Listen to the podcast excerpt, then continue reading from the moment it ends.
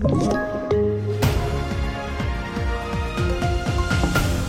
TV4-nyheterna börjar i USA där senaten för bara en stund sedan godkände förslaget om att tillfälligt ta bort taket för landets skuldberg fram till år 2025.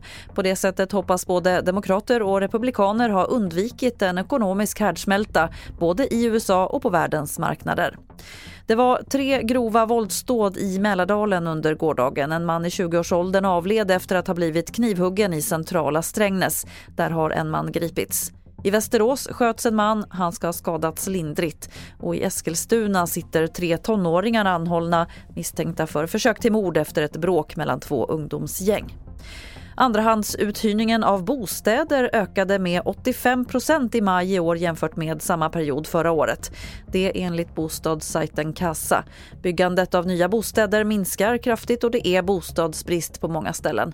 Kassa vill se en lagändring så att man lättare kan hyra ut sin bostad en längre tid. Vi ser ju nu ett jättebehov eh, både av att hyra ut sin bostad för alla de som har en svår eh, ekonomisk situation men också för liksom hundratusentals människor som hyr bostäder i Sverige som eh, kanske blir bostadslösa var sjätte, tolfte månad när kontraktstiden går ut. Och vi ser ju att det här är en ganska snabb och framförallt billig lösning då det inte kostar statskassan en enda krona. Det sa Isabelle Puritz på Kassa. Och fler nyheter det finns på tv4.se. Jag heter Lotta Wall.